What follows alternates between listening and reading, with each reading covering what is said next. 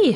Så kjekt at du har lyst til å høre på podkasten fra IMF Stord. Vi håper at du blir inspirert til å komme inn i alt det Gud har for deg. Vi ber om at han må møte deg gjennom denne talen. Da vil jeg ønske deg ei velsigna lytting. Hei og god påske. I bibelteksten i dag så skal vi få et møte med den tomme grava og kvinnene som kom til grava og ikke visste hva de skulle tro da de så at steinen var rulla ifra grava. Skal lese fra Lukas 24, 1-9. Ved daggry første dagen i veka kom kvinnene til grava og hadde med seg den angende oljen de hadde gjort i stand. Da fikk de se at steinen var rulla ifra grava. De gikk inn, men fant ikke Herren Jesu kropp.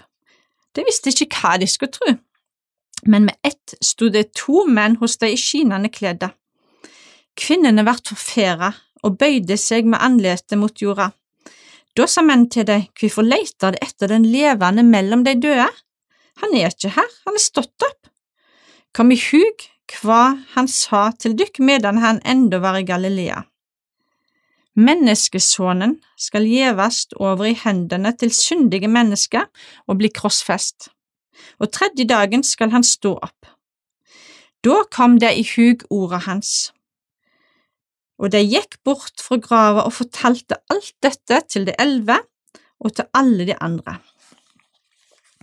Og I verset som kommer etterpå her, så kan vi også lese at kvinnene, det var Maria Magdalena, Johanna og Maria, mor til Jakob, sammen med de andre kvinnene. Så det var altså flere kvinner, men vi vet ikke nøyaktig hvor mange. Jeg har lyst til vi skal bli litt bedre kjent med Maria Magdalena i dag. Hvem var hun egentlig? Første gang møter henne, det er i Lukas 8,2. Da kan vi lese om kvinnene som fulgte Jesus. Det står at Jesus han dro, drog omkring ifra by, forkynte i byer og landsbyer og bar fram den gode budskapen om Guds rike. Det står at de tolv var med og òg noen kvinner som hadde vært lekte for vonde ånder og sykdommer. Det var Maria med tilnavnet Magdalena, som sju vonde ånder hadde faret ut av. Så står det òg nevnt flere andre kvinner, og så står det med alt det de eide, tjente de Jesus og de tolv. Det var faktisk ikke så van, uh, uvanlig på den tida at uh, at kvinner støtta lærere økonomisk, selv om det faktisk var mest vanlig at det var menn. Men det som var ganske sånn uhørt, skandale, det var at kvinnene de var med mennene og fikk del i undervisninga på like linje som de. Spesielt blant jøder så var det helt uhørt. Men Jesus, det sier jo noe om han, at han var ikke redd for å gå egne veier. Han bekrefta og så de rundt seg, og kvinnene. Maria det var det mest populære kvinnenavnet på Jesus' i tid. Derfor så fikk de ofte et sånn forklarende navn, da. Så Maria hun het egentlig ikke Magdalena, men hun var ifra byen Magdala. Og den var kjent for alle dueforretningene, for det var her duene kom ifra som ble ofret i Jerusalem i tempelet. Neste gang vi møtte Maria Magdalena, det er faktisk ikke før eh, ved Jesus sin korsfestelse.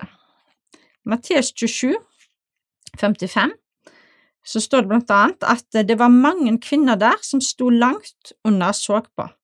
De hadde fulgt Jesus fra Galilea for å tjene han. Det var Maria Magdalena, og så er det Maria som var mor til Jakob og Josef og mor til Sebedeus-sønnene.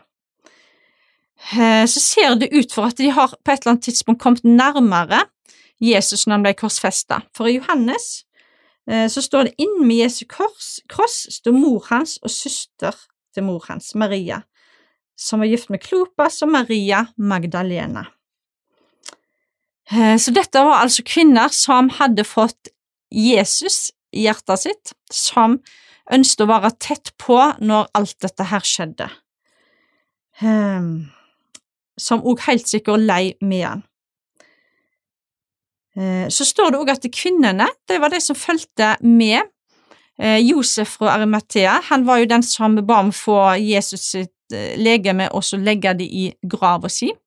Han var en rik mann, så det, skulle, det ble òg oppfylt profetiene når han gjorde det. Og Det står at disse kvinnene de fulgte med på hvor eh, Jesus eh, ble gravlagt.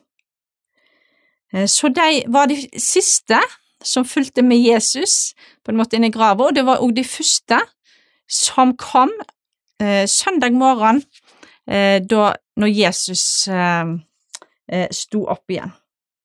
Eh, og det kan òg virke som Maria Magdalena var ekstra ivrig, og det kan se ut som hun var en av de som kom først faktisk til grava. Eh, Maria fra Magdala hun får livet sitt helt totalt forandret av Jesus. Eh, hun er blitt preget av å ha gått tett på over flere år, eh, fått undervisning, hun har selv blitt helbredet. Høydepunktet var nok likevel først når hun kommer til den tomme grava. Og så var òg Maria den første som Jesus viste seg for. Eh, tenk hvor sorgtung hun, hun må ha vært. Ikke om du har gått med et sånn skikkelig sorgtung hjerte, bare føler at alt har rast i sammen.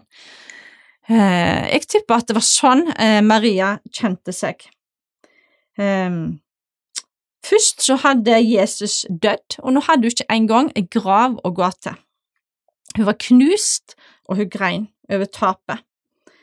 Og så kommer det altså engel, og hun svarer bare kort på engelens spørsmål. Det er ingenting som kan trøste henne nå.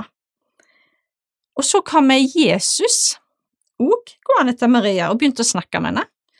Og han stilte samme spørsmålet som englene hadde stilt kvinne. Hvorfor gret du, hvem leter du etter? I sin sak så klarte du heller ikke å se Jesus.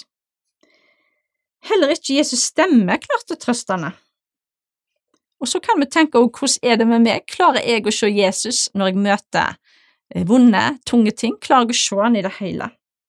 Ikke før Jesus sa navnet hennes, sånn som han hadde gjort så mange ganger før, forsto hvem det var. Se for deg overraskelsen, gleden i ansiktet når hun roper Ravuni! Eh, mester, det går opp for henne at Jesus har virkelig stått opp. Eh, og her kan eh, du òg gjerne høre på David Phelps når han synger He's Alive, som handler om Peters versjon av omtrent det samme. For både Maria og kvinnen og disiplene de hadde egentlig ikke skjønt Skriften ennå. De trodde først på Jesus, at han hadde stått opp, når de fikk se han sjøl, og Thomas òg ta i sida hans, ta i såret hans. Og Senere i Lukas kan vi òg lese at Jesus åpna deres forstand, sånn at de kunne forstå Skriftene. Ehm, jeg kjenner en mann som ikke var kristen, som ikke trodde, men på oppfordring fra en kamerat så begynte han å lese i Bibelen, og han hadde lest ganske masse, helt faktisk til Romane 3, 23, der det står at for alle synder og mangler Guds herligdom. Da så han virkelig at han trang Jesus i livet sitt, for han så at han var en synder. Så kan vi også ta med neste vers, da, der det står ufortjent av Hans nåde blir de kjent rettferdige, frikjøpte Kristus Jesus, på grunn av det som Jesus gjorde når han døde på korset. Um, for egen del så har jeg eh, visst gjennom hele oppveksten at Jesus døde for meg og sto opp for meg, men faktisk så var jeg langt over 30 år før det gikk helt opp for meg hvor stort det var. Um, jeg så at jeg var en stor synder som trang Jesus. Og hvor urettferdig det var at Jesus, som var helt uten eh, synd og skyld, at han skulle dømmes på det forferdelige viset, skulle gå i døden fra meg. Da eh, jeg så for meg Jesus Jeg har vært i eh, Israel eh, faktisk da før dette. Så for meg at han gikk opp via Dolorosa, smertens vei, med korset på ryggen, blodig, fæl, fornedra. Rett etterpå så jeg også Passion of Christ, Mel Gibson sin lidelsesfilm, Jesu lidelse. Og um, det bare gikk skikkelig opp for meg hvor utrolig det er det som Jesus har gjort for meg. Eh, og så kan du få faktisk litt fakta rundt det, for det er noe av det som òg forsterker trua hos meg. Når jeg skjønner at det er virkelig dette her, Jesus var ikke bare en historisk person, han har virkelig stått opp. Og eh, jødene de hadde ikke lov eh, å gi mer enn 40 piskeslag. Men den romerske pisken den hadde faktisk tre remmer, og i hver ende så var det enten beinsplint eller blymanualer. Og linkledet i, i uh, Torino, som kan ha vært det linkledet som Jesus var svøpt inn i da han ble gravlagt, det hadde faktisk 372 sårmerker, det vil si 124 slag. Og 100 slag, det ble regna som dødelig. Tornekrona, eh, som var en busk, den hadde fem til ti centimeter lange eh, torner. Tverrbjelken som skulle bære etter alt dette her, var kanskje 50 kilo. Eh, det verste var likevel torturen da han ble korsfesta fikk negler gjennom hender og bein, eh, og følelsen av å bli kvalt. Hvis Jesus hadde steget ned for korset og ikke hadde gjort dette, så hadde ikke vi gått fri. Eh, da Jesus kom til døperen Johannes i øydemarka, så sa han, Sjå, Guds lam som ber bort verdens synd. Um, og i Gamle testamentet så ofra israelittene lam i forbindelse med påskefesten som offer for folket sine synder. Jesus Kristus er det lammet eh, som Gud eh, gir som offer, ikke bare for synden til Israel, men for hele verden, for deg og meg, for våre synder. Lukas har faktisk også sin misjonsbefaling, 24-27. Der står det, og i hans navn skal omvending og tilgjeving for syndene forkynnes for alle folkeslag. Du kan få omvende deg til Jesus nå her i dag. Han vil gi deg tilgivelse for syndene. Han vil reise deg opp igjen.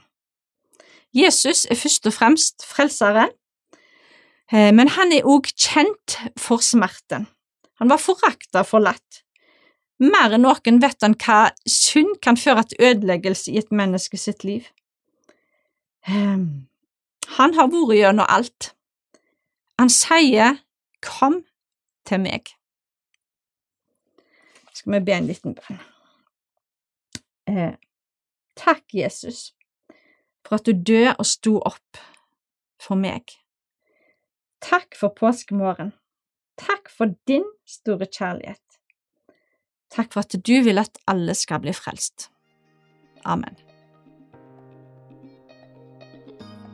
Da håper jeg du ble møtt av Gud gjennom denne talen. Husk, han har kun det beste for deg. Vi vil òg benytte muligheten og ønske deg hjertelig velkommen til våre samlinger på Lærvik bedehus. Og mangler du et kristen fellesskap, er du velkommen til IMF Stord. Besøk oss gjerne på vår Facebook-side eller på vår hjemmeside imfstord.no for mer info. Ha en velsigna dag, da, og takk for at du lytta.